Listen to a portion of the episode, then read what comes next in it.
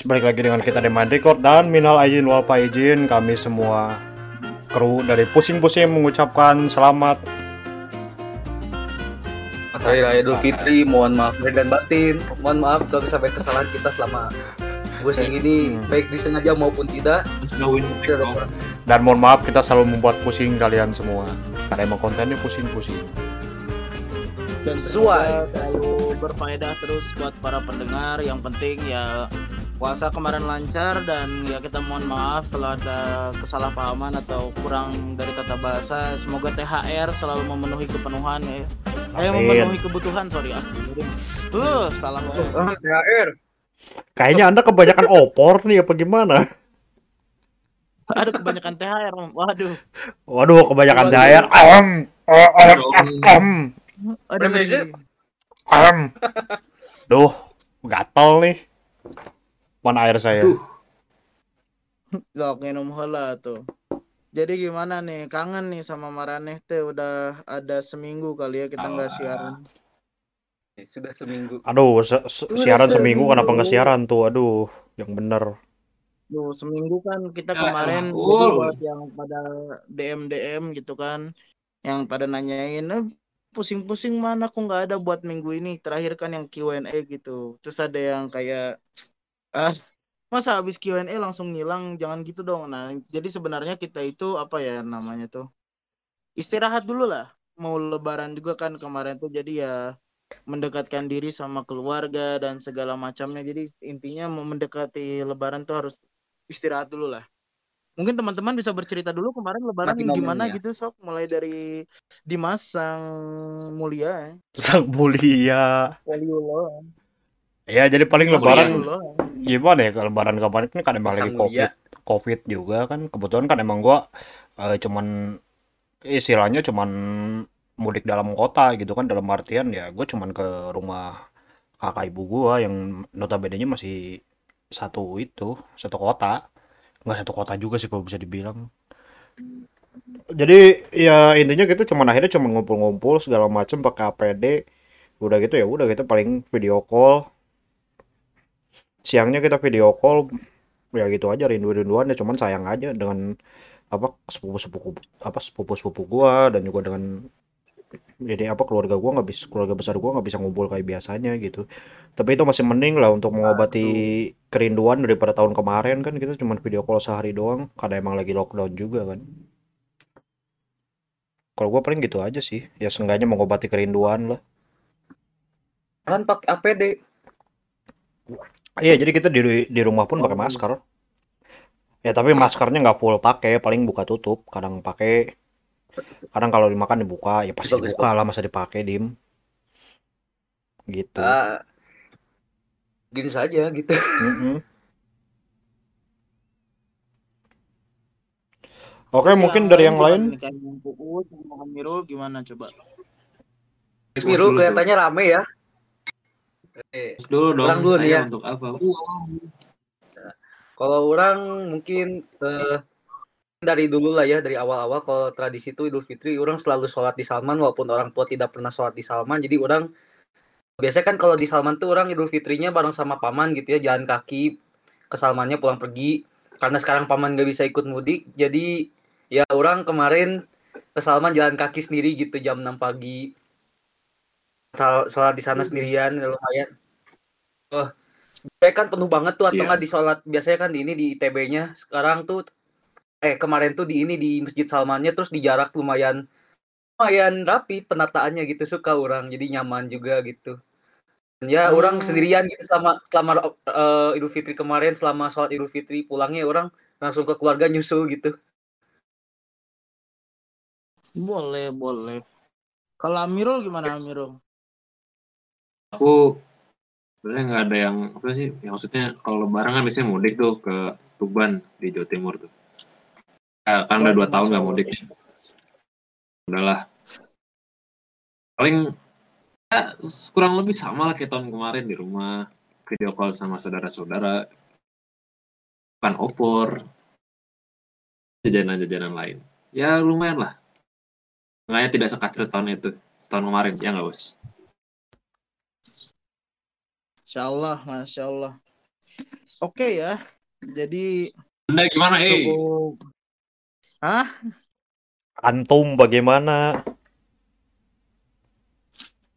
Ya, saya selaku perantau. Buat teman-teman yang nggak tahu nih. Saya tuh di Turki, guys. Jadi jangan nyangka, ih, di Indo kok nggak produktif. Nggak, saya di Turki. Sekali lagi disclaimer, Rehan di Turki. Jauh. Terus juga kemarin Alhamdulillah sholat itu udah bisa di masjid lagi. Walaupun masih berjarak, tapi nggak seramai kayak di Indo ya, guys. Kalau misalnya di Indo tuh, kita kan beres sholat itu apa ya? Rame lah istilahnya.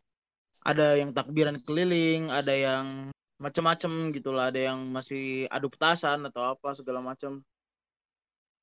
Nah, guys, kalau di sini sepi lah. Nyampe rumah, makan, terus kita open house dan ya alhamdulillah nelpon orang tua dulu sih sebelum open house tuh. Ya biasalah silaturahmi ya, seperti teman-teman host-host yang lain gitu pada video call. Apalagi saya di beda negara lagi bukan di satu negara. Jadi ya paling gitu aja untuk para teman-teman yang mendengarkan, para perantau juga tetap semangat. Walaupun lebaran tahun ini mungkin belum balik atau ataupun ada yang udah balik gitu. Ya gitu sih. Beda aja gitu vibes-nya di Indonesia sama di luar negeri gitu. Halo?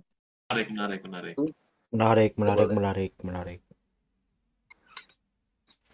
Iya, jadi Gimana? seperti yang kita tahu ya eh, di episode kali ini banyak sekali yang meresahkan gitu. Kelihatan itu Sesuai apa aja gitu.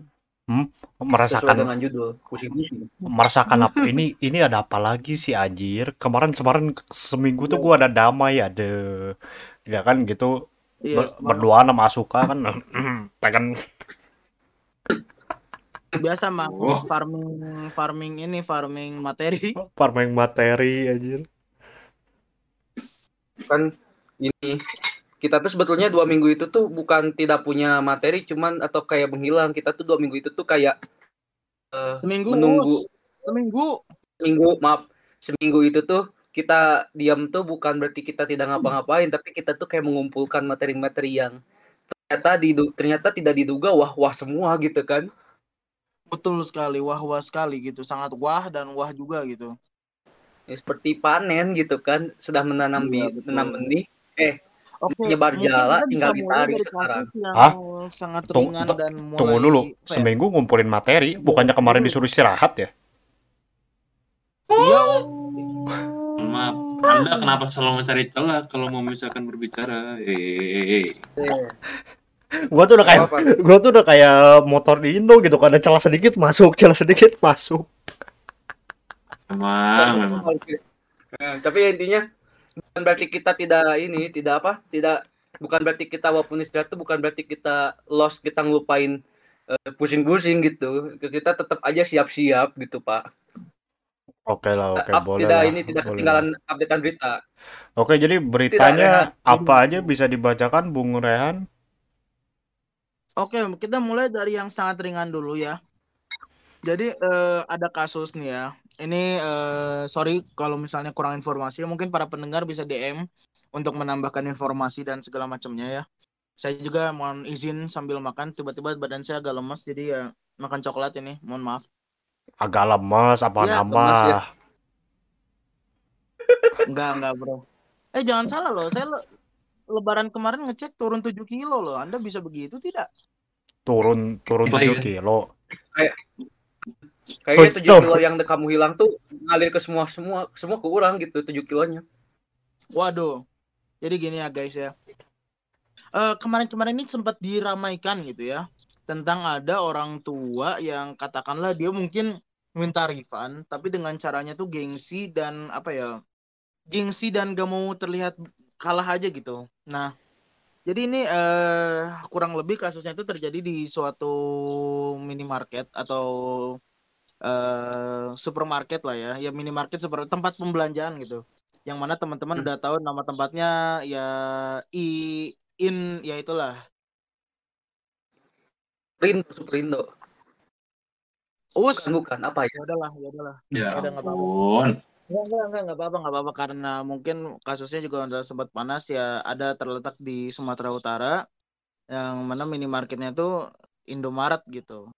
Ya mungkin Disebut. bisa di Iya, ya nggak apa-apa, nggak apa. Ya maksudnya kan memang karena sudah panas juga gitu. Kalaupun kita sembunyi-sembunyikan atau kita sensor pun, nanti malah kayak menyalahgunakan informasi gitu. Hmm, Oke. Kasih tahu aja udah, udah jelas itu kan di mana. Iya, udah jelas juga gitu. Nah, jadi eh, kronologinya masih belum jelas dari beberapa pihak juga apakah eh si ini tuh penyebab masalahnya tuh apa gitu. Yang jelas gini ya.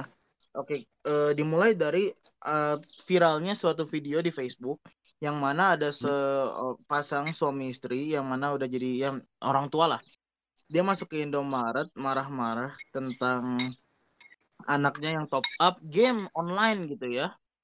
Sebesar 800 ribu. Waduh ini kan patut dipertanyakan juga nih 800 ribu tuh uang yang besar gitu bukan uang skala kecil gitu. 800 ribu. Uang yang kecil jelas ya. Bukan bukan. Nah. Uang yang kecil 800 ribu emang. masalahnya tuh gini.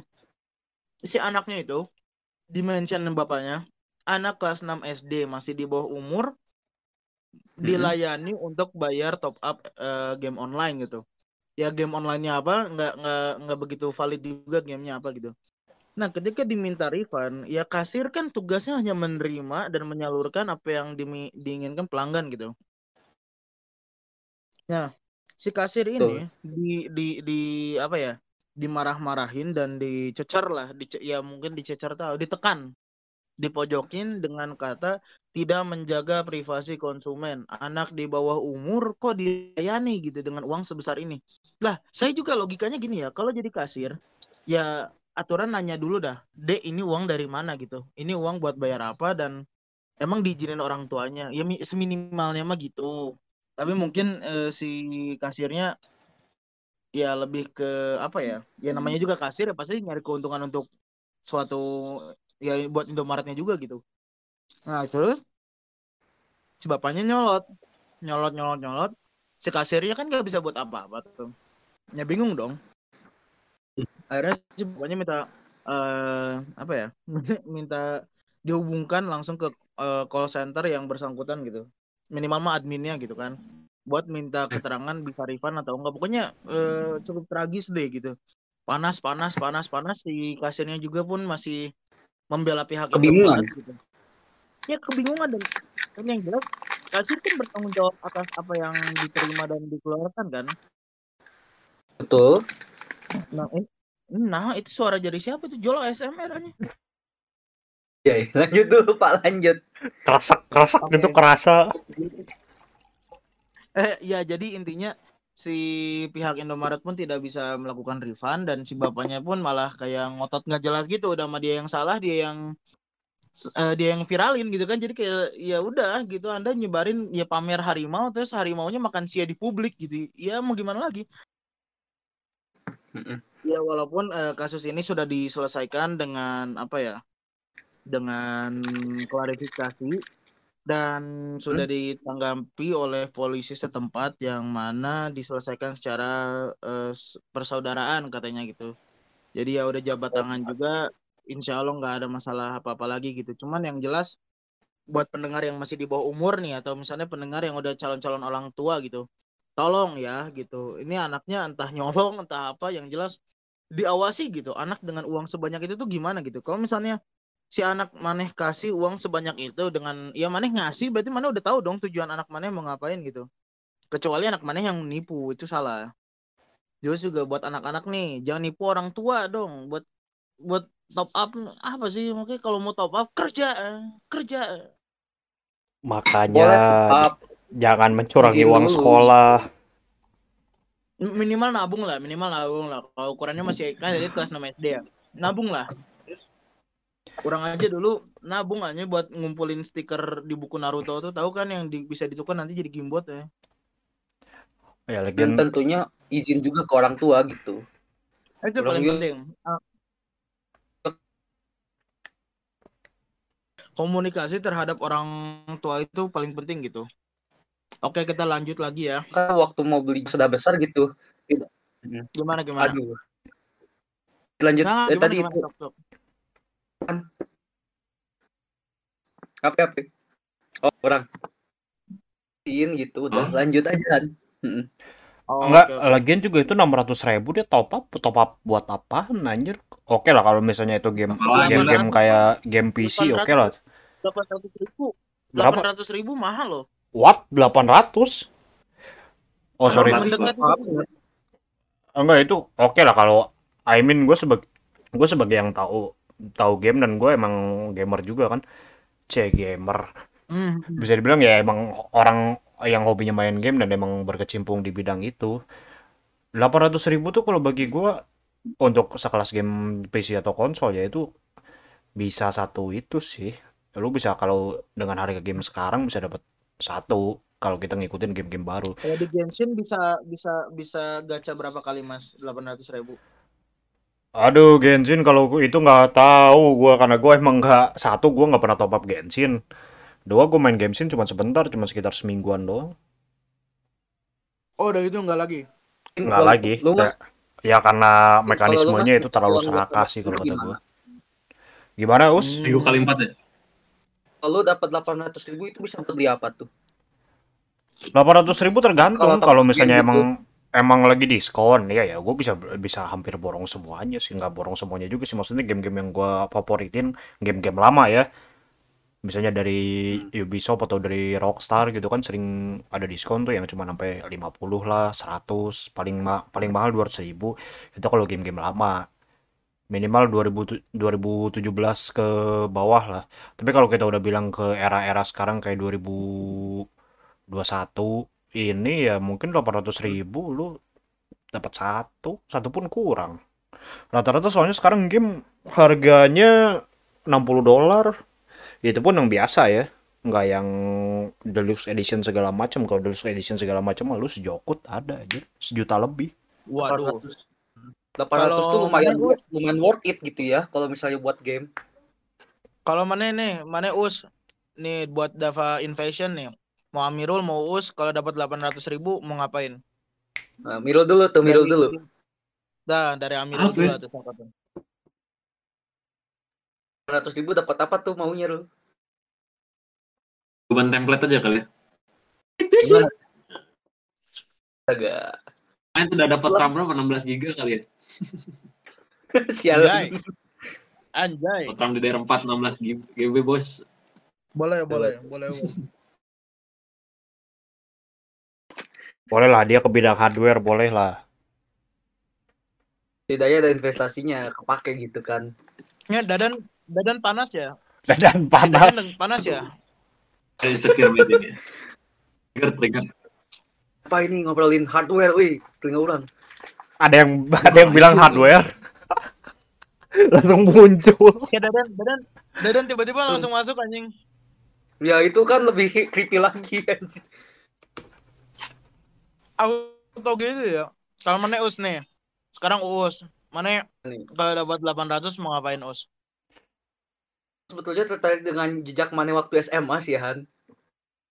Gimana? Eh, memulai aduh orang Allah. sebetulnya menyimpan uang gitu kan menyimpan uang cuman kan kalau menyimpan uang tuh eh, apa ya istilahnya tuh uang tidak berputar cuman diam di tempat doang sedangkan mana tuh waktu SMA kan tidak hanya menyimpan mana memutarkan uang sehingga uang itu berbalik dengan anak-anaknya gitu orang tuh tertarik dengan seperti itu kan Emang Aing pernah bahas-bahas kayak gitu ya sama mana SMA ya? nggak ngebahas cuman orang memperhatikan gitu dan kelihatan lah orang Anjing. tahunya yang orang tahunya mana yang kenang jackpot itu doang udah Menang jackpot naon sih? Poho orang gitu. jackpot yang 4 m Oh, yang main saham Itu. baheula. dulu Iyalah. dulu gitu Ya, sekarang juga masih main saham, Us. orang tertarik mau ke situ tapi pe- mungkin pengetahuan orang masih terbatas gitu eh Gak apa-apa itu. 4M dilarinya ke orang tuanya. Ya udahlah, oh yang penting yang penting paham gitu kan paham. Yang penting biar si uang tuh ngalir terus lah, muter terus gitu, nggak nggak nggak nggak hilang gitu. Kan kalau didiamkan saja emang man, emang aman tapi eh gitu kan cuman diam di situ doang tidak ke mana-mana tidak akan berkembang tidak berkurang ya udah cuman jadi kayak bedanya gitu dengan ya sampah gitu udah cuman disimpan doang gitu kan. Ah, di jalan karena itu yang orang pengen lakukan seperti kau dapat 800 ribu tuh lumayan kan memulai gitu tuh. Hmm. Kalau orang ya dapat 800 ribu. Aing traktir maran ya aja beneran beli McD. iya Yes. Thank you, thank Karena you, apa thank ya? you. Selain selain investasi itu penting, kadang berbagi juga penting, Us. Sedekah itu wajib. Anjing. Kalau Anda mampu setelah benar-benar lebaran. bersedekah gitu. Waduh. Ma- masih rohani sekali ya. ini Masih eh, suasana nuansa lebaran. Ramadannya masih membekas ya kan Waduh, masih melekat nih. kat eh Tapi jujur, kan Ramadan tapi jujur ya, gue agak risau, sekali. risau juga nih back to topic yang tadi soal top up, top up itu gue agak risau juga nih. gitu. Iya, benar-benar. Ya masalahnya Iya, kasus-kasus kayak gini tuh udah nggak apa di telinga gue tuh udah nggak aneh lagi. Kadang-kadang ada yang top up inilah sekian ratus, ada yang top up sampai berapa juta, terus ada yang sampai nyolong kartu kredit lah. Yang gue herannya kok anak itu tahu nomor tahu nom- nomor orang, serinya gitu kan. ini tuh udah reto- apa, Terutama ini ya. berpola Terlebih gitu ini berarti kan. Enggak, terlebih ini berarti pengawasan orang tua itu harus ya minimal bukan ketat apa ya, lebih waspada lah dengan kegiatan anaknya tuh apa gitu. Apa sih yang anak gue lakuin tuh gitu. Minimal itu. Ya dan emang kalau gue Berarti kan itu efek efek Tuh. efek kurang pengawasan orang tua dong kalau kayak gitu. Misalnya kayak kayak ini weh. Aing aing punya ponakan masuk ke HP-nya kira. Itu udah kayak App Store aja, game doang goblok gitu. Game, game, game, game, game, GWA udah weh. sudah kebanyakan ini. Sama YouTube. Aduh makanya story-nya wadaw. Uh, waduh makanya gue makanya Oke, heran lanjut ya. gitu kan. Mungkin bisa dilanjut kali ya. Atau gimana? Ya kalau dari menurut gue ya Heran-heran. ini apa eh, pengaw ya pengawasan orang tua itu penting ya lah. dan Hmm. emang orang tua tuh emang harus sudah melek teknologi gitu nah ini masalahnya udah era-era kalau jadi bapak kumaha tadi? hmm?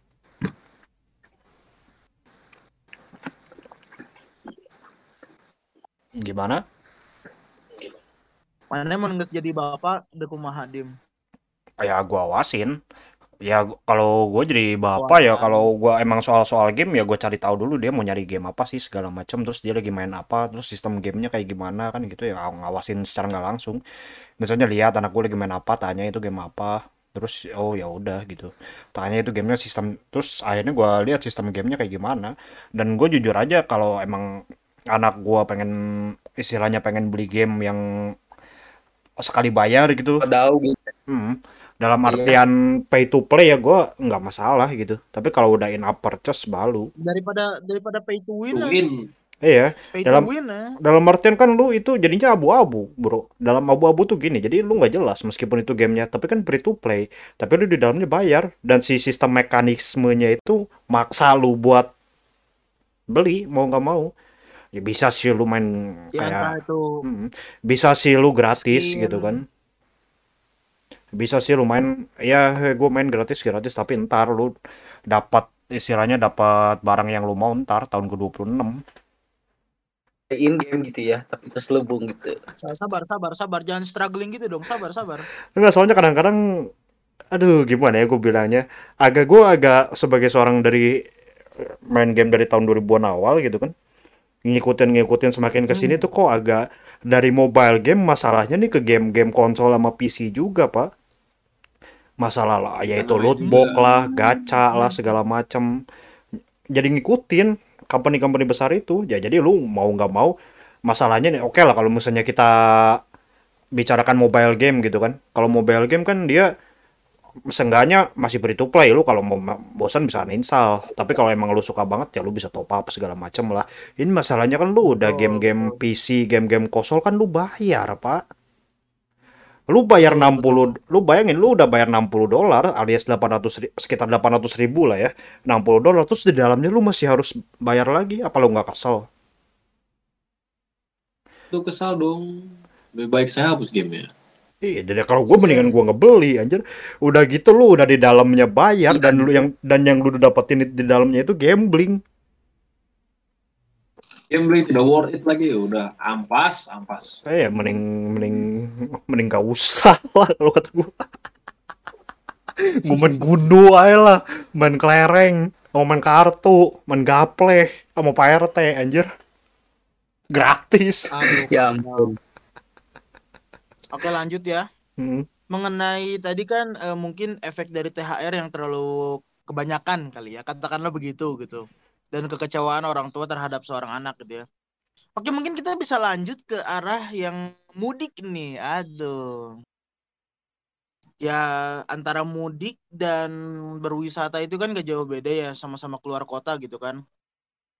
Nah, di situ kan pasti ada pro dan kontra di mana orang yang sedang ingin berjalan-jalan ketika nggak diterima eh nggak menerima gitu disuruh putar balik, orang pasti malah jatuhnya ngamuk gitu. Kenapa tidak apa ya? Kasarnya kalau misalnya kita tahu mudik nggak diperbolehkan, kenapa masih memaksakan diri gitu? Itu yang terjadi di ini. Eh seperti di kasus eh, marah pu- diputar balik di perbatasan Sukabumi, pengendara plat B ini memaki petugas tuh. Waduh, dimaki loh. Petugas kan hanya menjalankan tugasnya. Kapolres Sukabumi AKBP Lukman Syarif membenarkan informasi tersebut. Menurut Lukman, anggotanya tersebut sudah sesuai aturan dan ketentuan dan tegas meminta kendaraan tersebut putar arah. Lukman juga membenarkan lokasi kejadian berada di perbatasan Bogor dan Sukabumi. Waduh. Kan sudah ada larangannya, jangan mudik demi Indonesia yang lebih baik. Kenapa masih ngeyel? Kapan sembuhnya kalau kayak gini? Disuruh putar balik nggak mau, dilarang mudik masih ngelawan. Tapi di sisi lain komplain, ya Allah COVID kapan beresnya? Hamba kesulitan, lah sia sendiri yang melanggar doa anda sendiri goblok. Kesel gitu. Dan yang terlebih yang dilihat jadi ada ada sebuah videonya itu kayak apa ya petugasnya tuh udah baik-baik gitu kan. Ibu bapak mohon maaf ini karena mengikuti aturan protokol kita mengharapkan eh, untuk putar balik gitu. Dan ini si bapaknya malah ngebanting HP ya, si protokolernya gitu. Ya entah itu ya dari pihak kepolisiannya atau yang tadi disebutkan itu malah pengen direbut gitu loh HP-nya tuh. Terus sama si eh, penumpang yang lain ada ibu-ibu nih yang jadi meme yang mungkin kalian kalian udah tahu kali dari versi stiker-stikernya gitu yang berkutipan gue anjing loh. Waduh, kenapa gitu? Yang ini Ramadan spiritnya mana gitu? Ini kan masih Ramadan, masih Lebaran gitu. Kenapa harus ketrigger marah-marah? Kenapa gini ya? Kenapa ketika ada apa? Udah ada larangannya, kita ngelanggar, udah tahu kita yang salah, tapi kita masih nggak mau kalah gitu. Jadi kita yang marah gitu. Mentang-mentang, jadi makanya sistem itu apa ya ditanamnya itu kayak ketika orang marah sama kita, kita harus lebih marah gitu. Biar kita nggak kelihatan lemah. Bukan masalah kelihatan lemah atau enggaknya. Hargai aturan yang sudah ditetapkan gitu. sabar harus- sabar Rehan sabar sabar. Sabar, sabar, Sabar, sabar. sabar. Tahan emosi, tahan emosi. Gitu. Tahan emosi, tahan emosi. Itu batanya, itu batanya taruh dulu. Masa pulang ke Indonesia teh udah, udah nyampe ke Jakarta harus dikarantina dulu lagi anjing. Gimana Masih kalau kayak Sabar gitu? sabar sabar sabar. Kan kapan nggak bisa pulang, blok. Tahan, tahan. Itu batanya taruh dulu. Batanya taruh dulu. Kepincut kepincut sekali ya berhubungan dengan corona. Disimpan dulu, kepala Corona di. Indonesia tuh ya Rehan. Kenapa jadi kepala saya, eh Amirul? Gimana lah? So, tanggapan teman-teman lah mengenai hal ini hanya aing sudah muak goblok dengan dema kita yang dikatain lagi anjing emang. Sebetulnya ini udah apa? Kan lagi perkara baru-baru karena bukan awal-awal corona. Ini udah lumayan berapa? Udah lumayan setahun tuh kan kita corona dan dalam Ya, keadaan sudah. seperti ini masih Sudah masuk setahun sih. kan ya. Hmm. Udah mau udah setahun lebih kan malah dan ya itu sebetulnya bukan awal-awal tapi masih ada ada orang-orang yang seperti ini gitulah kayak masih lang, bukan melanggar sih kayak emang menyadari kayak seperti yang tadi Man ceritain gitu kan kayak melanggar tapi ketika melanggar tuh masih kekeh bahwa dia yang benar padahal sebetulnya sudah jelas gitu Tuh, intinya ya ini, seperti itu, meresahkan itu. gitu sangat meresahkan meresahkan gitu.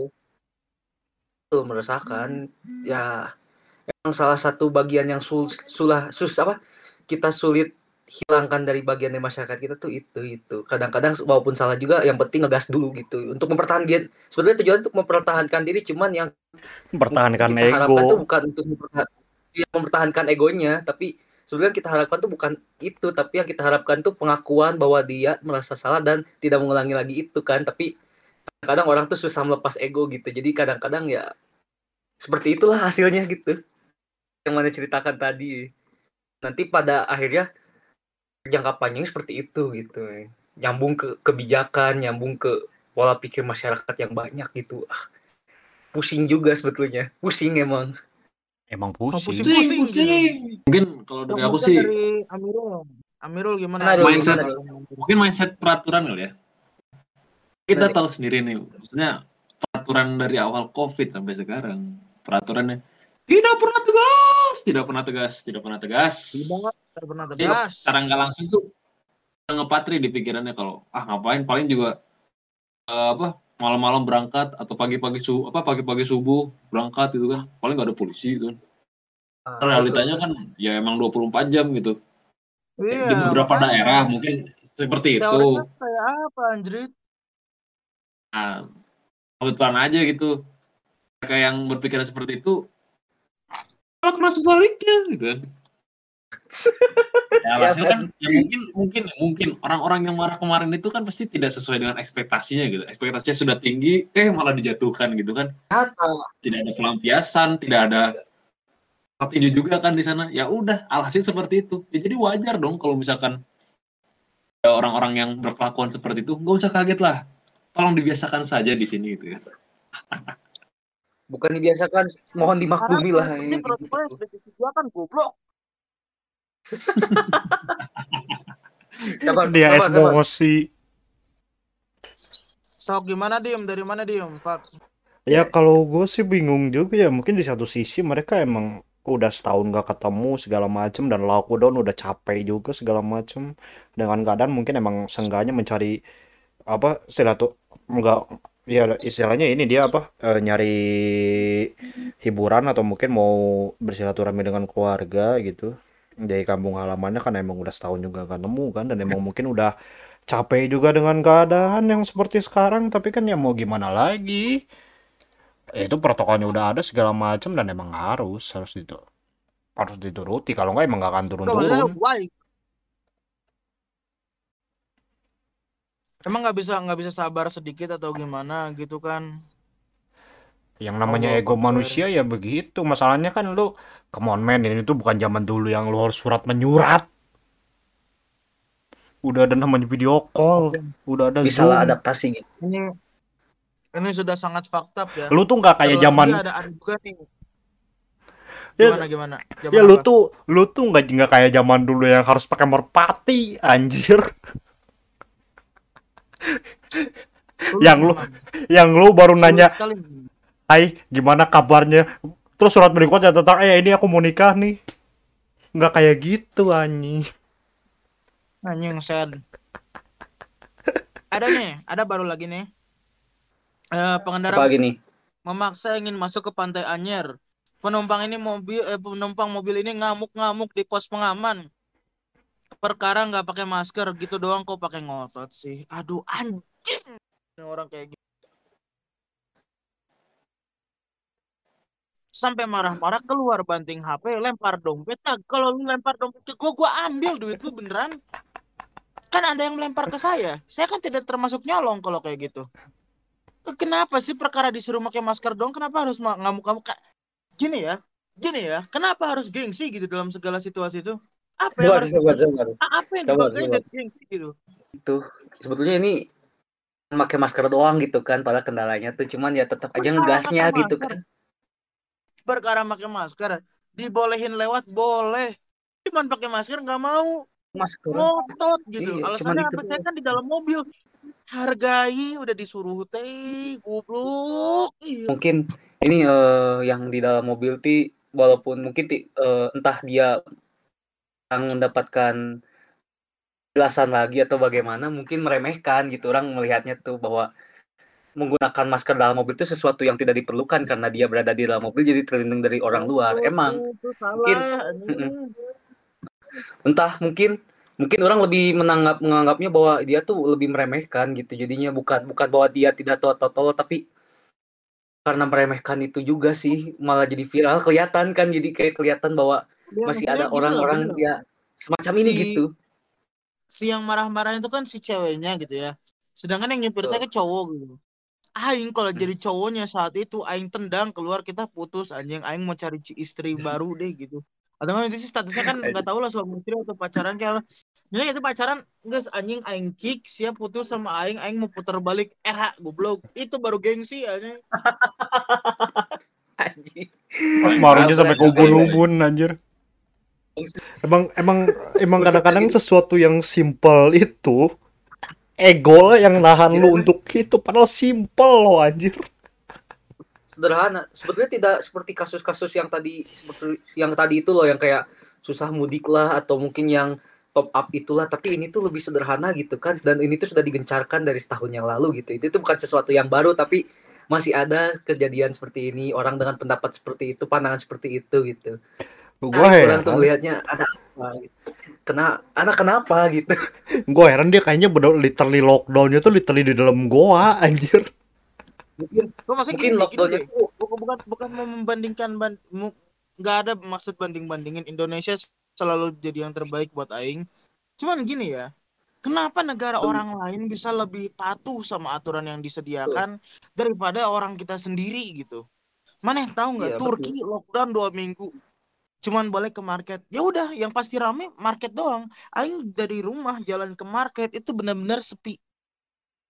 Sepi banget. Transportasi umum ya nggak ada yang lewat. Maksudnya kalaupun ada itu jam-jamnya sebentar gitu. Terutama kalaupun mau keluar kota itu urusannya harus benar-benar urgent gitu. Entah sama KBRI kah entah sama siapakah yang berurusannya emang benar-benar urgent harus ke tempat tersebut gitu kalau misalnya enggak dan buat mudik alasannya buat jalan doang eh anjing saya di penjara anjing. habis ya kan habis ya kalaupun ya didenda juga dengan saldo yang lumayan mahal gitu ya enggak mau Patut ngambil denda. resiko dan ya udah jalan-jalan mah mendingan deket-deket pas mau balik ke Indo aja anjing.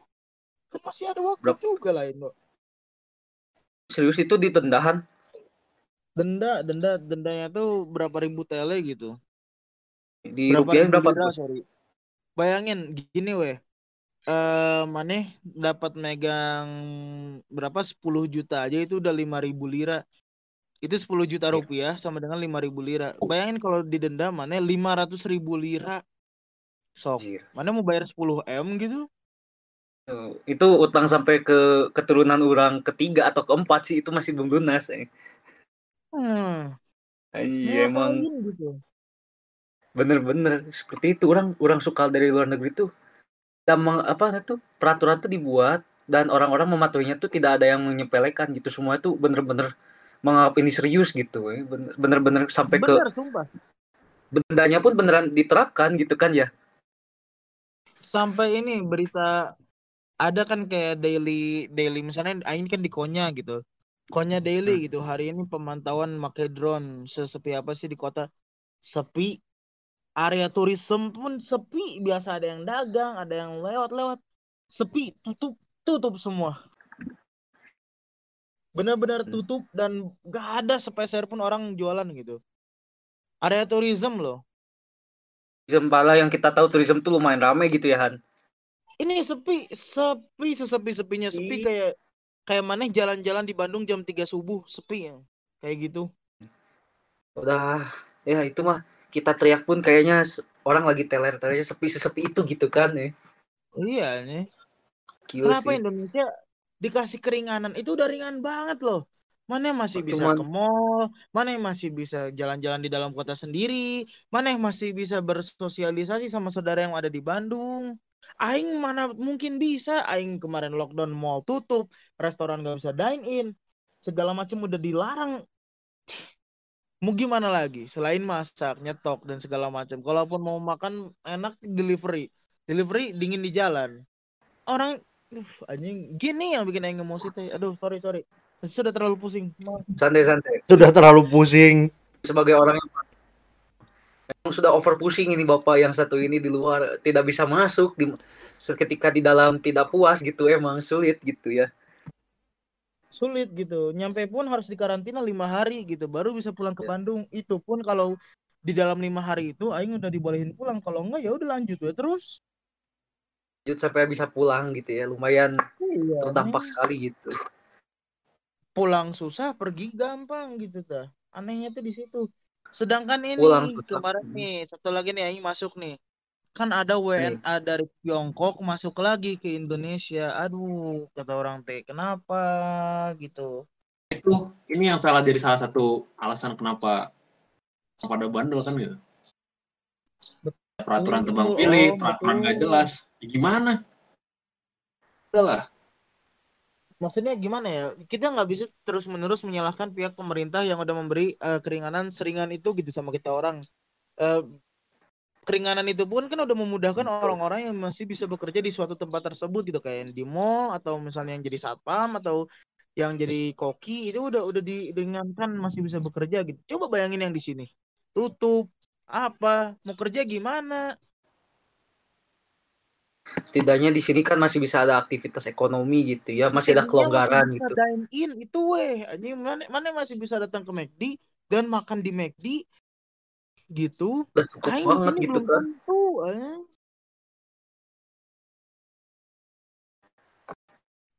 Sulit kalaupun emang makan sulit. nih misalnya aing misalnya makan di taman kalau tamannya rame dan banyak yang lepas masker is oke berarti taman itu udah memang udah disterilkan untuk apa piknik dan segala macamnya tapi kalau misalnya aing habis beli McD terus aing makan pinggir jalan itu polisi bisa langsung nyamperin aing aja kenapa kamu buka masker kenapa makan Mau di sini kok dong. bisa makan di rumah eh ya Ribet lagi ya, aduh. Hmm. sedih gitu itu contoh contoh contoh contoh Satu itu ya. contoh gitu coba taati dengan la- dengan santuy gitu coba tanya dulu pak saya ada masalah apa kenapa saya disetir putar balik putar balik misalnya terus kayak misalnya ya ini ada ada ketertiban gini gini gini. Pak tapi kita udah punya surat izin dari camat kota tersebut misalnya. Atau kita udah punya izin dari eh, kelurahan tersebut gitu.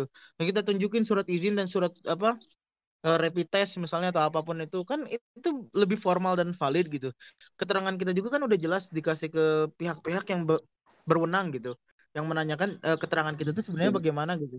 Nah kalau misalnya semua surat-surat dan apa segala macam udah lengkap terus kita negosiasinya baik ya mungkin masih bisa diizinin lewat Gak usah dianjing-anjingin itu orang kerja buat menghidupkan keluarganya nih coba bayangin mentalnya langsung break dance tuh kayak gitu dianjing-anjingin udah panas Break dance. ini. Dikatain, Masalahnya aneh. itu juga ada Coba yang ada yang suka ngeluh gitu. kalau nggak digaji bingung gitu oh, Ya masalahnya kasihan juga lu lu pada pernah kepikiran nggak kalau yang istilahnya yang waktu ngawal sekarang lagi bertugas di jalanan atau di itu pun atau di tempat-tempat yang lain itu pun mereka nggak lebaran di rumah loh.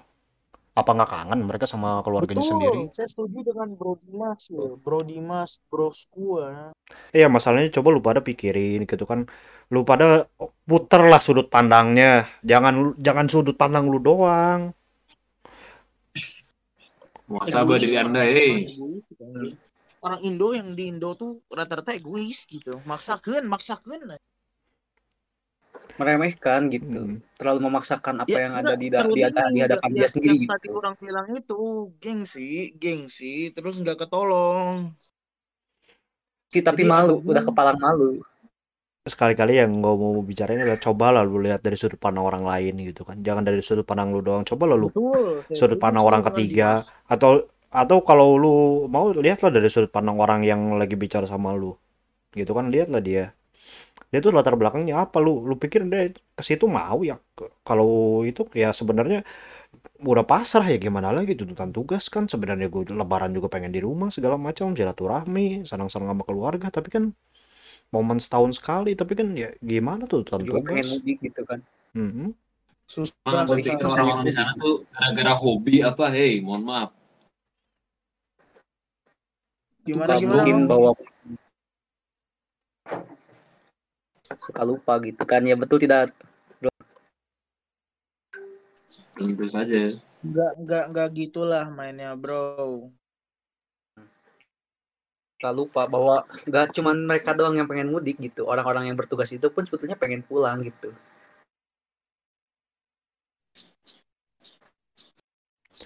Makanya kadang-kadang Jadi kayak Hmm, apa gitu biar, biar apa apa nama Waduh, udah udah.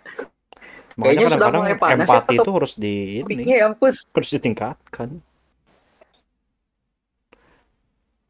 Gitu kan aduh ayolah maksudnya hargai teman-teman kita atau eh, orang-orang yang sudah bertugas gitu. Like come on bro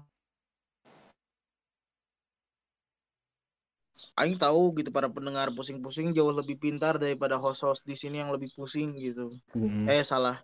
Lebih paham. Eh. Astaga astaga. Ya ampun anda. Jadi Aduh, gitu loh teman-teman. Untung lagi di luar. permudah saya biar bisa pulang gitu. Saya saya pengen pulang. Kalau kalian goblok kayak gini saya nggak bisa pulang. Nggak bisa bertemu kalian kalian para pusing kawan pusing gitu. Orang pusing para orang para orang-orang pusing aja oke kita lanjut ya ini ada aduh ini juga kasihan lagi aduh ya allah kurir mamang kuring sih sabar ya sebelumnya jadi eh, ada kasus sih? lagi nih ibu-ibu ya ibu-ibu COD Shopee gitu apa yang dibelanjakannya Hmm. yang nyampe itu tidak sesuai sama yang dibelanjakannya. Tapi kan sistemnya COD. Ya COD mah atau udah teri cash on delivery ya. Si kurir mah cuma mengantarkan dan dapat duit gitu. Ini tiba-tiba barang tidak sesuai.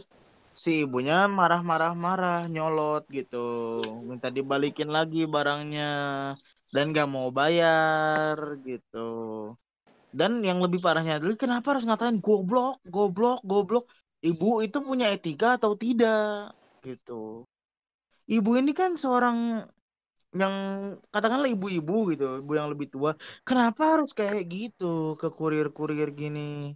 Kan kurir ibu misalnya ibu kalau nggak ngerti em, permasalahan COD ya tinggal nanyain, Mas ini yang yang saya terima kok nggak sesuai gitu. Mas bisa tolong ini dulu nggak apa tanyain sama pihak eh, sononya nggak atau gimana gitu Mas kan sebagai kurir pengirim barang mungkin bisa bantu saya atau gimana gitu. Ya mungkin dari situ seaturan si ibunya bisa nanya dengan baik-baik gitu nggak usah ngegoblok-goblokin dan, terlebih anaknya juga malah ngerekam si kurir yang digoblok-goblokin gitu loh. Si anaknya malah bilang iya saya paham Shopee. Lah kalau anda paham Shopee harusnya jangan kayak gitu dong Pasti to tolong dibantu ibunya yang kurang paham. Mah, mungkin mama pesannya apa dan ke, ke- ya ya mungkin mama dari sini bisa dibayar dulu, baru mama kirim lagi barangnya ke si itunya atau enggak mama kirim apa simpen dulu barangnya, nanti coba kita kontakin dulu. Terus kita coba Terus ini nanti ada- lagi negosiasikan lagi ini barangnya harus digimanain. Yang jelas saya udah bayar loh Bu gitu. Ke pihak Shopee-nya ke pihak sellernya bilang aja bu saya sudah bayar loh bu item yang saya udah beli ini. Cuman yang saya terima kok nggak nggak nggak sesuai gitu. Apakah eh, bisa nggak barangnya saya kembalikan lagi ke kurir lalu saya kirimkan lagi ke ibu lalu nanti ibu bisa kirimkan lagi barang yang saya inginkan yang sesuai keinginan saya gitu. Kan lebih pola itu bisa gitu. Tapi intinya betul jadi ada kejadian semacam itu tuh jangan diambil emosi dulu langsung aja komunikasikan ambil kayak bener tadi gitu kan harusnya dikomunikasi dengan pihak Shopee-nya ada ketidaksesuaian gitu. Dan anaknya juga harusnya membantu orang tuanya emosi gitu betul kan? minimalnya gini minimalnya gini kan nominal harga yang sudah ditentukan oleh pihak seller ke pembeli ya itu kan udah sesuai kan udah sesuai gitu harganya sekian ya kalau misalnya ternyata barangnya tidak sesuai ternyata harga barang itu yang kita terima lebih mahal tapi kan kita bisa bayar dengan lebih murah itu sih yang yang pikirin gitu sih ya maksudnya kalau misalnya ternyata barang yang kita terima adalah barang yang lebih mahal dari barang yang seharusnya kita beli ya syukur yang penting kita bayar dulu tanggung jawab kita kan harus bayar dulu Mm. kalau misalnya gini ya. kita iya habis kita bayar baru kita coba negosiasikan ini gimana nih ke depannya nih kalau misalnya ini seperti barang apa saya eh, gitu kan ya. hmm, ini kan barang saya nggak sesuai nih bu atau apa atau gimana gitu bisa nggak iya eh saya kembalikan lagi barangnya gitu kayak tadi lah. Yang penting tanggung jawabnya kan harus bayar dulu gitu. Lagi pula kan yang namanya COD itu kita bayar dulu, kita terima barangnya kita bayar ya udah. Bukan kayak kita ambil barangnya kita buka terus kita nggak nggak suka terus kita nggak jadi bayar. Kecuali kalau saya orang COD bersyarat, kalau saya COD kayak di Facebook atau di IG, kayak misalnya gini ya. Aing suka COD sama Kang Luke beli figur beli apa. Aing kan nunjuk dulu, Kang Aing pengen figur yang ini gitu. Terus pas Aing ketemu sama si Kang Luku, Kang Luku nunjukin figurnya kayak gini. Ya itu kembali ke Aing. Kalau ternyata ada kekurangan minusnya apa tapi Kang Luku nggak bilang, baru Aing bisa marah. Tapi kalau Kang Luku sebelumnya udah bilang kurangnya A, B, C, D, E terus masih bilang masih mau beli nggak Han dan Aing masih bilang mau dan ketika Aing datang Aing nggak mau itu ada yang salah di Aing. Soalnya Mas Luku udah ngasih tahu kan ke Aing kurang lebihnya apa gitu. Ada komunikasi di situ gitu kan ya. Iya, ini kayak apa ya? Ayolah, don't be stupid gitu. Kenapa sih anjing? Aduh, sok lah teman-teman tanggapannya gimana? Capek aing kayak gini teh nguras tenaga anjing. Ya. Ya, ini si Miro sudah habis di popcornnya Rul. Sepertinya dia masih menikmati masih menikmati kacamata 3D aja tadi. Sudah 4D sekarang, Mas. Sialan. Aing teh sedih ya. Bisa.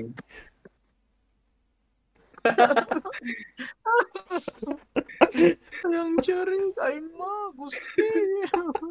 Dari marah-marah sekarang nangis dia anjir. Eh, Ini mental breakdown, eh mental break dance namanya. Ya lagian juga itu itu ngapain juga aja lu lu mau marah tapi kesalah sasaran akhirnya saking saking lu nggak tahu mau marah ke siapa orang depan lu dimarah-marahin Sok dari Kurang Dimas sama Amirul ad- ada yang ada Dimas berita Mas? baru kah atau mau menambahkan ada apa yang baru gitu? ya lagi lagi gue bingung aja gitu kok sering gitu kejadian kayak gitu tuh lu marah tapi salah sasaran anjir Hmm. Orang tuh kalau cerita tadi. Orang keinget ini sih ya cerita-cerita zaman dulu di mana ya eh, kalau dulu kan raja-raja ngirim pesan gitu kan. Ketika pesannya tidak menyenangkan gitu si pembawa pes yang dihukum tuh yang dihukum oleh raja yang menerima pesannya tuh dia yang dihukumnya ya pembawa pesannya gitu. Ya salah sasaran apa? sedikit gimana gitu ya emang teringat sesuatu yang mungkin orang teringat sesuatu dengan yang zaman dulu dan yang tidak berubah gitu padahal sebetulnya sesuatu yang harus itu tuh sudah bisa berubah dari dulu karena perkembangan teknologi ya ternyata masih ada beberapa ada beberapa hal yang masih terjadi gitu polanya dengan dengan pola yang sama gitu. Wah sekali gitu kan. But but why gitu? wah gitu bisa bisanya gitu kan ya. Maksudnya eh, zaman yang sudah semodern ini kenapa Anda masih primitif, lebih primitif daripada Far Cry Primal malah? Packer primal anjir Primal nggak tuh? Picanthropus erectus anjir Carbitus erectus. Atulah cik atuh ah anjing ah ini mah Indonesia teh kumaha sih ah. Saya teh berjuang mati-matian demi mengharumkan nama bangsa ini Hmm. gitu di luar negeri teh. Kenapa ada yang di dalam negeri malah menyenangkan ya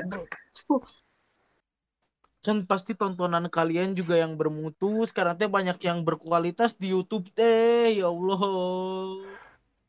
Hmm. Makanya kalau anda biar nggak marah-marah ya ibu-ibu bapak-bapak hayu sini gabung sama kita dengerin pusing-pusing nanti anda jadi pusing gitu. Kalau anda sudah pusing kita insya Allah anda pusing tidak akan marah-marah lagi.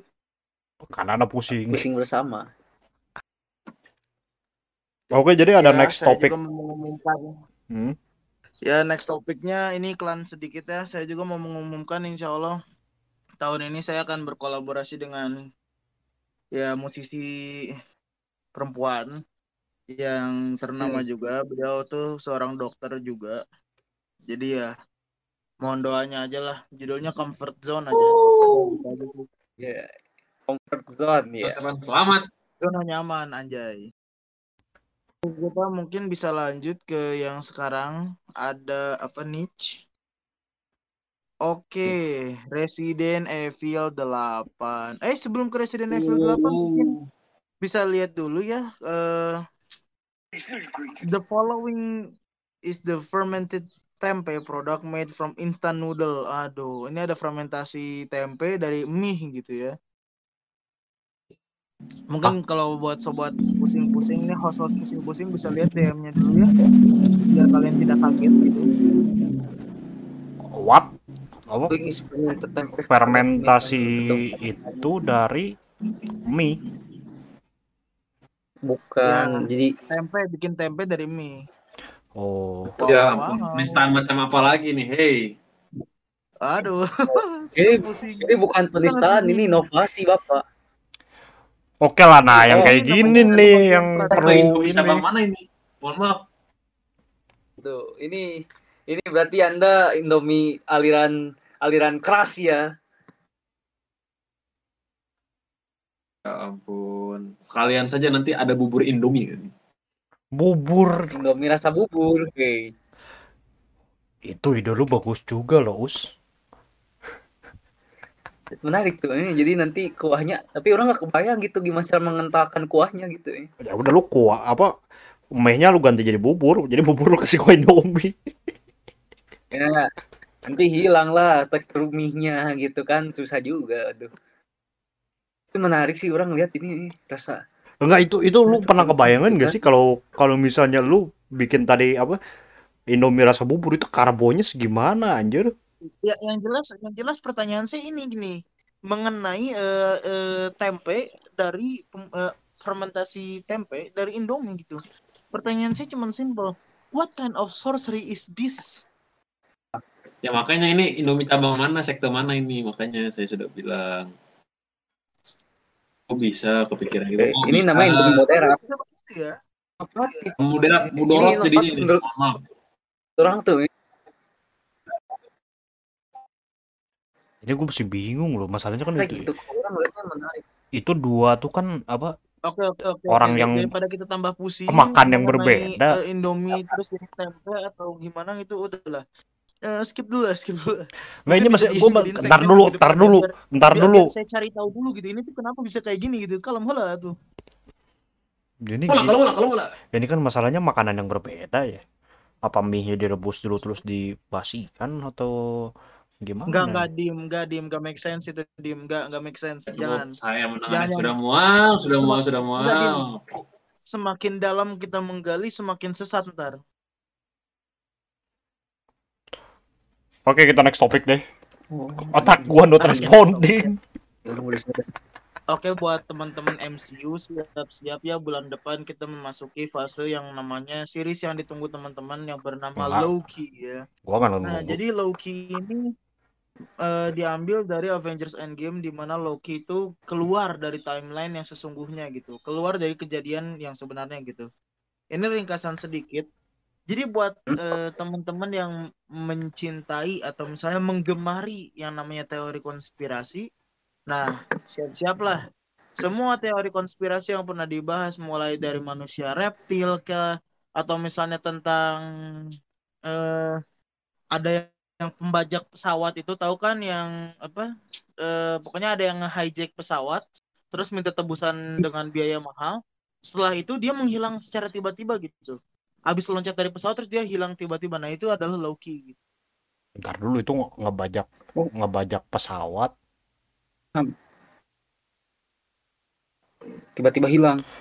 oke never mind gua mau ngejokes cuman terlalu Ya Terlalu jadi garing. dulu tuh dulu tuh ada ada ini namanya tuh ada ada orang misterius bernama DB Cooper gitu. DB Cooper ini masih nggak jelas gitu. Nah jadi eh, banyak teori-teori konspirasi yang menjadi misteri-misteri gitu yang misalnya sudah dibahas oleh youtuber youtuber besar misalnya kayak Ewing atau Nancy Jess. Nah ini dengan dengan entengnya Marvel tuh memecahkan atau mem- mematahkan semua teori konspirasi itu semua bahwa semua itu yang dilakukan eh, dan masih menjadi misteri yang belum terpecahkan itu ternyata itu adalah Loki gitu. Menarik gitu ya ditarik-tarik dengan eh dari kejadian nyata di dunia asli gitu ya ditarik Betul, dengan teori-teori di film gitu kan. Pertama kita akan melihat dampak dari kalau seandainya eh kan kalau misal di Avengers Endgame kan kalau misalnya kita ngubah masa lalu itu kan nggak akan ngefek ke masa depan tapi bakal ngefek ngefek ke timeline yang bersangkutan. Nah tapi kan dengan adanya Avenger Endgame itu ada beberapa timeline yang tidak sesuai gitu dan bahkan malah menjadi bencana gitu.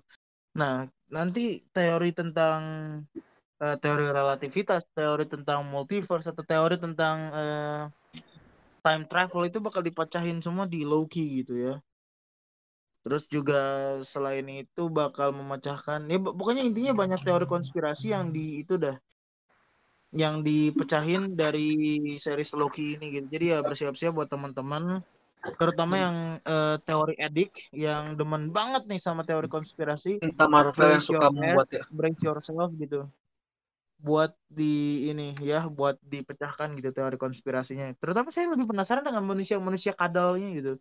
Siapa sih reptilian reptilian ini tuh? Yang katanya adalah elit global dan yang yang apa?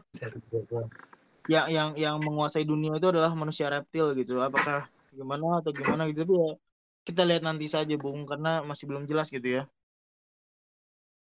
Oke, jadi next topik apa nih? Setelah kita ngebahas Marvel. Kita bahas Iya. masuk yang sudah ditunggu-tunggu daripada dari daripada dari para sobat pusing-pusing. Nggak ngebahas sebelahnya bang, nih. bahas Resident Evil 8 bang. Resident Evil 8 bang. Bang bahas yang bisa nepak Lady Dimitras dong. Fuck you anjing. Sebelumnya kita Jangan disclaimer campur. dulu untuk yang mau masuk mau masuk ke full RA ini karena kalau kita ngomong suka kebablasan jadi spoiler, alert. pokoknya spoiler alert. Kalau nggak mau ke spoiler mendingan main gamenya sendiri gitu. Kalau kalau Anda nggak muntah. mending berhenti di sini gitu. oke oke dia mungkin dari Dimas dan Amirul dan Uus bisa dibimbing ya kalau nanti saya ngomong bisa fokusnya di Lady Dimitras doang gitu nanti malah jadi eh, 18 plus plus gitu Oh, lu liatin Lady Demis. mohon Itu kan ada, itu kan juga ada ada yang itu empat empat keluarganya tuh kan selain Lady Demis lebih Lady Dimistri itu kan ada yang lain. Ada adeknya si Rosenberg.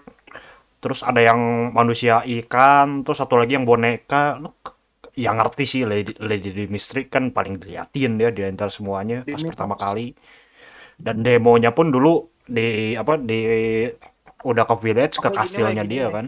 gini weh Mu- mungkin bisa dijelasin dulu nih alur plotnya tuh tentang apa sih Resident Evil 8 tuh kenapa bisa ngebludak banget gitu termasuk kategori game yang fenomenal nih katanya nih menurut dari berita- berita-berita di yang ya apa artikel-artikel yang bertebaran sekarang gitu Oke, jadi ada yang mau mulai Menurutku duluan? sih itu lanjutan sih paling ya, lanjutan dari Resident Evil 7 kan. ya ya Dia gimana lanjutan. Ya, apa? Lanjutannya dari nyeritain si Ethan Winters gitu kan. Jadi ceritanya tuh dia Hmm. akhirnya pindah kan dari Louisiana tuh. Louisiana tuh tempat kejadiannya Resident Evil 7 orang keluarga Baker tuh kan. Akhirnya mereka pindah ke Eropa Timur, tapi nggak tahu nggak disebutin di mana daerahnya. Atas perintah si Chris Redfield tuh kan.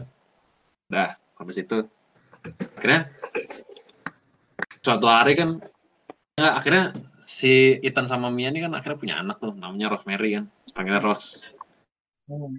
di situ udah akhirnya di prolog game itu dia di, apa diceritain suatu apa ya ah, cerita rakyat atau apalah judulnya tuh Village of Shadows. Nah mungkin kalau yang termat ya ini udah kayak spoiler kan dari awal gitu kan. Ada si Mia udah cerita tet tet tet, udah nah, si Rose-nya udah tidur kan. Hmm. It's parent Terus akhirnya- time. pas udah tidur kan oh belum bukan bukan bukan. Kan ma- dia masak kan si Mia di bawah masak. Nah si Ethannya habis anterin anaknya tidur di atas kan turun lagi mau makan. Eh ketembak Mia-nya tiba-tiba ada peluru nyasar gitu kan. Satu. Tiba-tiba blackout rumahnya. Tiba-tiba ada yang ngedobrak. Tiba dia ditembakin. Wah pokoknya dia that coming lah gitu. Tau-tau udah terkelap lah Itu yang ada di trailer. ya. siapa tuh yang Eh. nembak tuh? Siapa tuh yang nembak tuh?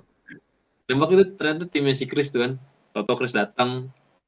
Ngomong nggak apa tiba-tiba nembak si Mia gitu kan. Uh gitu sakit banget lah. Ya udah akhirnya nembak si si Ethannya dibawa gitu kan sama anaknya. Setelah game dimulai. Gue Dimas bisa dilanjutkan? Ya kalau gue sih akan ngebahasnya nggak nggak bingung juga ya gue bahas Tapi sok sok sok spoil pasti spoiler sih jadi ya udah deh.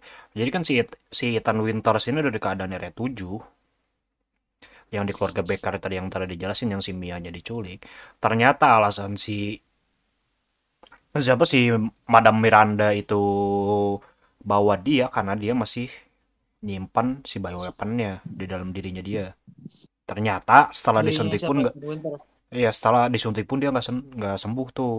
Dan ternyata nurun ke anaknya si Rose.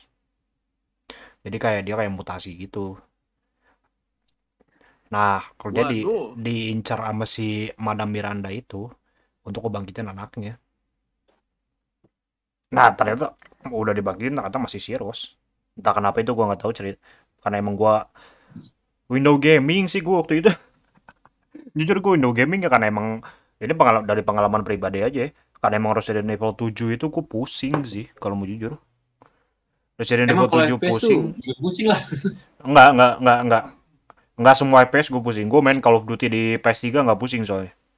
Tapi entah kenapa emang RE7 ini terlalu realistis apa gimana gitu. Jadi emang ngebuat kita ngebuat gua lebih tepatnya motion sickness. Padahal gue waktu itu cuman main apa? Cuman lihat di resolusi 1080p. Nggak sampai nggak sampai kayak 4K ke atas gitu ya. Emang emang waktu itu PC-nya teman gue emang kurang ajar juga sih. Jadi emang istilahnya gambar segitu pun tajam. Tajamnya minta ampun untuk mata-mata seperti saya. Dan di RE8 gue dari lihat world apa lihat di window gaming pun di YouTube dan emang udah udah udah kerasa agak agak mual gimana. Karena emang itu itu di resolusi YouTube loh. Kan bagi teman-teman yang belum tahu bagi kalian yang main terus kayak ngupload ke YouTube itu dikompres videonya. Kalau kalian lihat langsung pasti si videonya lebih tajam lihat aslinya lah Tajam. lebih tajam dan istilahnya grafiknya lebih bagus daripada kalau kalian ngerekam pakai software pihak ketiga lah. Nah, masalahnya Pak, saya kan melihat-lihat videonya dong udah agak pusing nih apalagi ntar main. Makanya gue lebih memilih untuk window gaming aja kan daripada gue main, main game takutnya kena motion sickness. Nah, jadi balik balik lagi ke topik. Jadi ceritanya tuh kan udah eh, diambil tuh kan sama si ngincar anaknya. Si Rose diambil lah sama si Lady itu tuh. Siapa? Mother Miranda itu Sama, iya sama, sama si Mandra Miranda udah diambil. Oh, diambil sama si Madam Miranda itu. Nah, Mother si Miranda, Mother Miranda. Hmm. jadi si Ethan itu akhirnya nyari tahu nyari-nyari anaknya sih, inti ceritanya. Dan di situ loh dia ketemu si empat empat kel- apa? Ketemu Lady Miranda sama empat istilahnya apa ya? Kita bilang Warlords lah.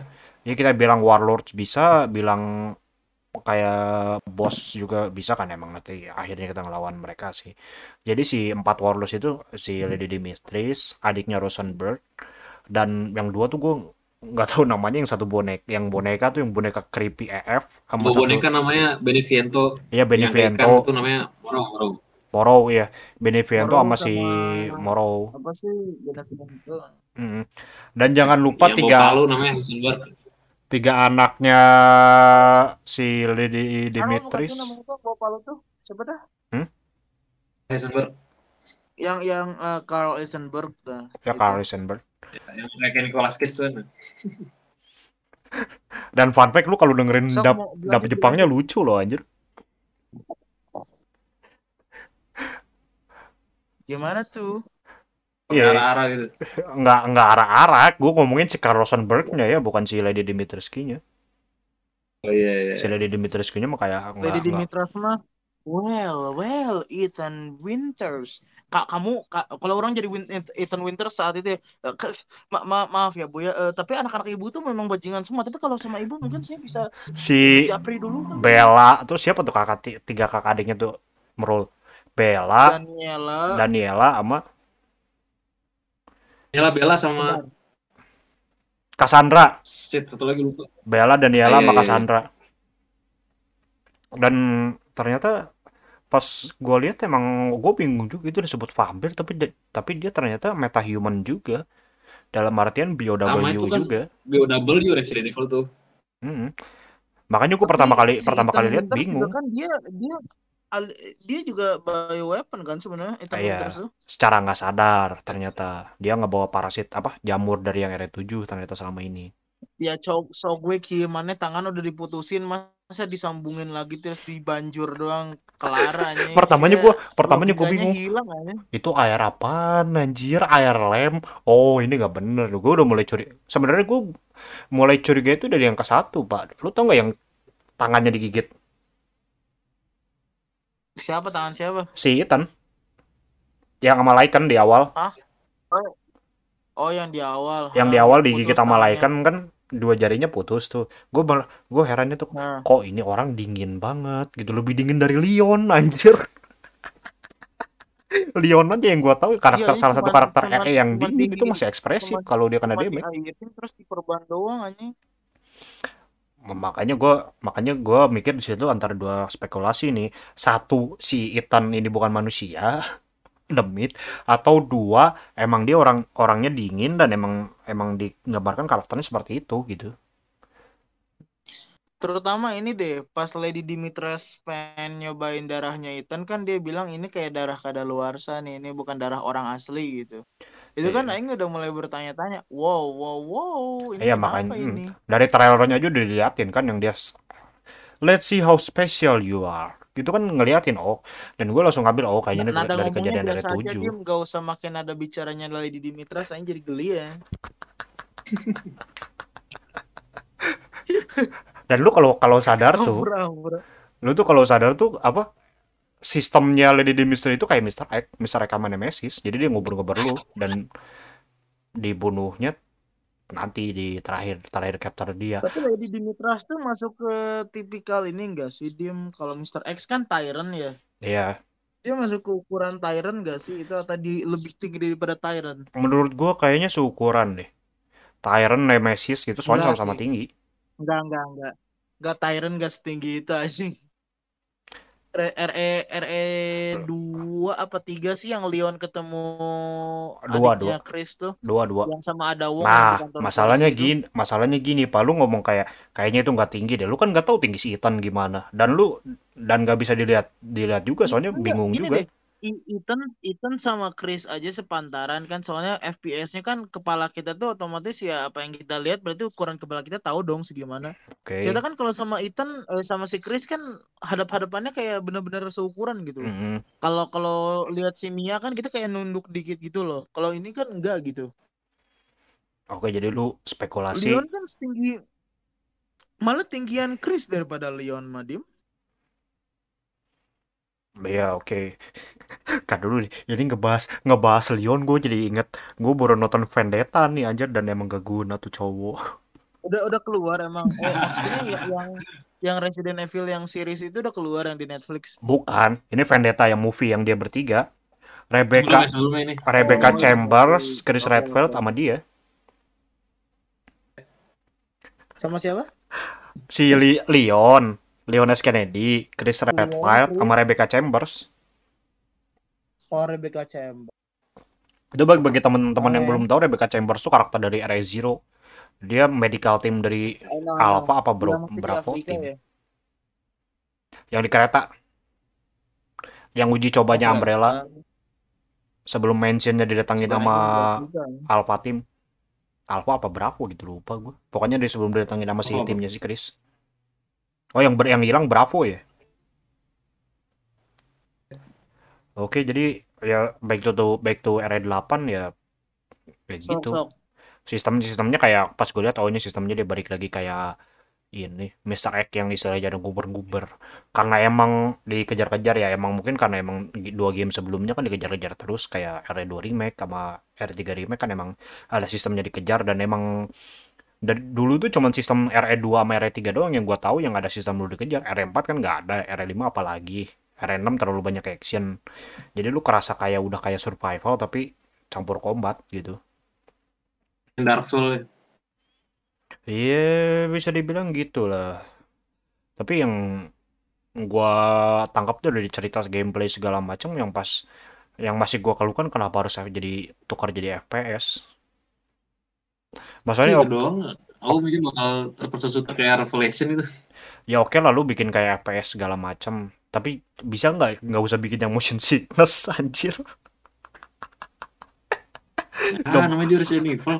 masalah masalahnya gue ping gue mengeluh mau ngeluh karena gambarnya bagus banget juga nggak bisa anjir pas gue lihat tuh pas gue lihat tuh ah, jadi ini bagus banget sial bagi-bagi mata-mata dulu gamer-gamer dulu yang biasa lihat Resident Evil dari Resident Evil satu dua tiga empat itu ngerasa banget perbedaannya ada dari R6 pun masih, masih kelihatan agak jauh sih menurut gua Nah, itu cuma cutscene doang kan yang yang HD, sisanya mah enggak. hmm. ya karena emang game PS3 sih ya. Iya, cuma mentok doang kan. Alah Uus keluar duluan lagi. Sedih. set enggak dia nge-mute nge-mute nge-mute lagi makan atau apa mungkin Secara keseluruhan sih, ya bagus lah nggak apa. Worth it lah untuk beli anda-anda semua yang pengen main. pengen main tapi gue sih tetap tapi bagi gua pribadi ya gue masih tetap orang yang berpikir bahwa Resident Evil itu harus berhenti di seri yang kelima Kenapa tuh? Kenapa harus yang kelima? Kenapa bukan yang keenam? kenapa gue bilang RE5 harusnya terakhir karena lu ya dalang di antara semuanya yaitu Albert Albert Wesker udah kelar Albert Wesker terus kemudian Tapi kan perusahaan yang memasuk Umbrella alias Trisel Wesker. Tapi kan di, di yang keenam ada anaknya Wesker. Iya si Jack ya. Oke sih, tapi masalahnya kan yang gua yang gua mau tanam pada dulu di sini kan lu ibaratnya kita nggak ngebahas soal virus dan plaga yang udah bocor ke pasar gelap di Reverse ya. Tapi maksud gue tuh gini loh, lu tuh kan seorang seorang villain yang lu tahu yang akar masalah dari semuanya, yang dia asalnya ibaratnya imposter dari apa Stars, kemudian dia tak tahunya kerja sama sama William Birkin di Raccoon City, kemudian dia akhirnya ternyata orang dalam Umbrella juga, dan setelah dia orang dalam Umbrella dia ngelihat ada Ganado, dia ngambil Ganado juga, alias Plaga dari R4, kemudian dia akhirnya dia menciptakan virus baru dengan kolaborasi dengan Tricell industri yang dia akhirnya ngebuat virus baru namanya Ouroboros itu harusnya udah selesai. I mean, oke lah mungkin Kalau misalkan pamannya berpendapat kayak gitu, tapi kan di atas Trisel masih ada organisasi itu. Ada organisasi yang ada di RE 7 itu kan. R7 siapa? Kalau Organisasi kalau. Simon dapat virusnya itu, kan? Oh, kalau Kurang lebih begitu sih. Hmm. Soalnya yang gua tahu soalnya kan yang dari Umbrella. Umbrella kan yang ngebuat si T, G, T sama G virusnya kan yang nanti kan di apa ibaratnya sama orang-orang di macam-macamin kan, di otak-atik kan jadi T Veronica, kemudian jadi sama Wesker diubah jadi Ouroboros, campuran sama Ganado alias Pelaga gitu ya harusnya menurut gua udah selesai udah selesai. Kalaupun mau ngebahas ngebahas sebaiknya ngebahas dari si virus ini ke mana? Dari si T T T sama G virus ini ke mana di pasar gelapnya? Yang which is itu yang malah dijelasin di kan. movie-nya sih di Vendetta Ouroborosnya itu kan pindah ke Resident Evil 6 itu kan. yang sama si Simon Mutasinya Ouroboros kan. Mm-mm. tapi which is yang mau gua yang mau gua tekanin tuh itu ya lu malah jadi bikin villain baru villain baru lagi si Capcom ini sedangkan ya mungkin emang gua nggak bisa emang yang paling brengsek itu emang Wesker sih menurut gua anjir ini orang ke mana The, the main villain kan. ya udah main villainnya udah selesai ya sisa sisanya ya ya udah lu kayak story story reverse cerita tentang bioweapon akhirnya. Lu nyadar gak sih dulu tuh RE itu tentang politik intinya. Kenapa Umbrella nyiptain T? Ya dia mau ngambil keuntungan dengan bikin vaksinnya sekalian kenapa nyiptain T ny- nyiptain G Gitu ya. Dari dari politik bisnis gitu berarti awalnya. Iya dari politik bisnis. Kenapa si Wesker nyiptain Tyrant? Kenapa si Wesker sampai mau nyiptain Uro Ouroboros? Ya kan itu po- untuk politik. Dia mau bikin genosida. Dia mau ngerasa kayak dirinya itu, oh gue dewa gitu, gue alias Tuhan. Kenapa kayak gitu? Itu intinya politik. Udah udah pas gue lihat udah RE RE6 masih ada kerasi, kerasa politiknya dikit lah. Yang karena gue main cerita Leon doang yang nyeritain antara si Helena sama adanya terus akhirnya ke Simon tapi pas gue lihat oh ini R7 udah mulai pure survival, pure survival horror ceritanya tuh. Udah mulai fokusnya malah ke si BOW-nya. Oh ya, which is yang gua rasa itu bukan RE. RE itu BOW itu cuman sebagai gimmick doang, cuman sebagai alatnya doang sisanya, sisanya politik. Inti ceritanya itu politik. Makanya saya suka dari dulu tuh pas gue lihat cerita inti ceritanya sekarang oh ini cuman akhirnya cuman survival doang. Meskipun di area 8 gue lihat si Madam Miranda itu kayaknya mau nyiptain BOW ini buat apa nih? Apa mau ngebangkitin BOW ini buat apa nih? Kayaknya emang ya emang, emang ada unsur Buat balikin politiknya kan anaknya. gitu. Hmm. Dan emang dia mau make kan tadinya.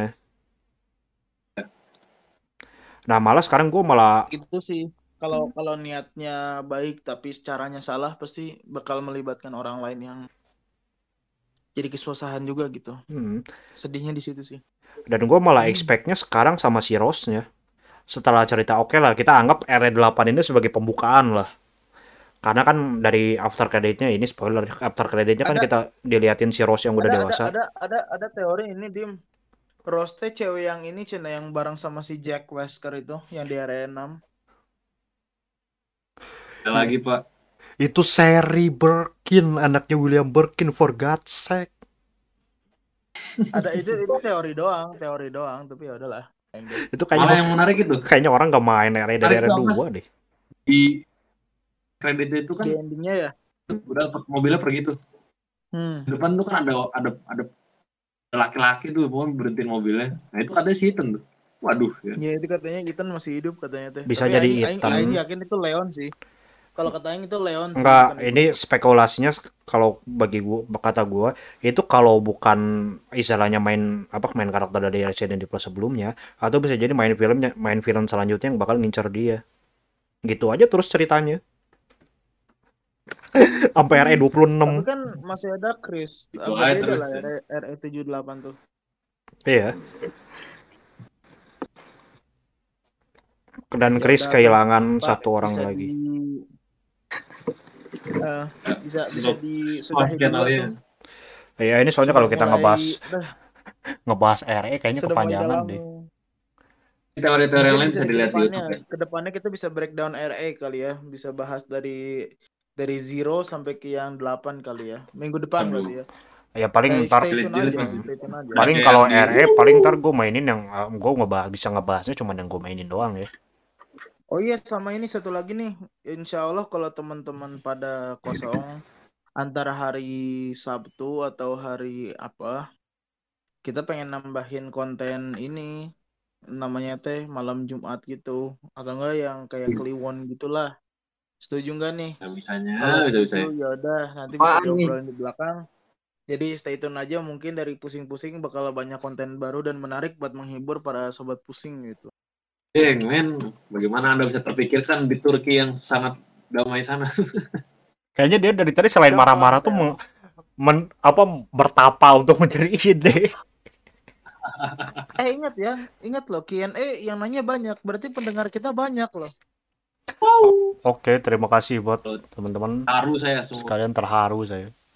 Terima kasih atas sudah mau dengerin dan udah mau interaksi sama kita dan udah respon lah dari kita. Makasih banyak, makasih banyak buat supportnya gitu yang selalu ya bikin kita selalu bersemangat buat ngehujat orang-orang bodoh gitu. Doakan semoga kita nggak kena somasi ya. Semoga, semoga. Amin. waduh. Ya Rabbal Alamin. Amin, amin. Dan yang penting selalu diingat buat sobat pusing, buang yang buruknya, ambil inti pentingnya. Ini tidak ada Karena- pentingnya sama sekali. Betul. Segala keburukan datang dari kami, segala kebaikan datang dari yang di atas gitu ya. Mungkin Dimas silahkan di closing dulu. Ya, jadi intinya jangan ditelan bulat-bulat ntar kalian kesel. Oke, Ya, gokil suka suka. untuk sobat pusing-pusing, pu- para pusingers kalau kata Rehan. Paling segitu aja karena kita lihat udah satu jam 40 menit ya ini kita dari recordingnya Waduh, waduh. saking serunya berarti Ya, ya. saking serunya kita ngebahas. Oke nanti konten berikutnya mungkin kita lebih ngebahas karena emang lagi ininya RE 8 ya. Mungkin kita nanti akan ngebahas RE Betul, uh, betul. Resident Evil Resident Evil Universe lebih tepatnya mungkin yang gua mainin mungkin dari teman-teman lain bisa ikut yang kita Menambah. mainin gitu. hmm, yang pernah kita yang pernah kita mainin oke kalau gitu gua Dimas undur diri Saya Rehan, ciao dulu. Gua Uus. bye. Dava Invasion bareng ya oke see you next time guys Mudah-mudahan. bye Tidak akan ada klaster lebaran, tidak akan ada klaster lebaran. Amin. amin Amin.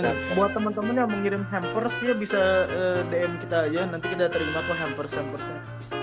Sangat menerima lah ya. lo kan kita menerima bukannya meminta tapi menerima gitu kan kan men- menerima Kita kita ya kita kita bersedia untuk menerima hampers hampers. Tidak menolak sama sekali gitu. Sangat menerima. Tidak ada yang menolak. Tidak ada yang menolak. Tidak ada yang menolak. Sangat menerima. Jangan sungkan gitu. oke see you next time kalau mau THR juga yang mau ngasih THR juga kita nanti ya DM DM lah. Email email. cincai Kita kasih rekeningnya. dadah see you next time Ya udah. See you next time. Dadah.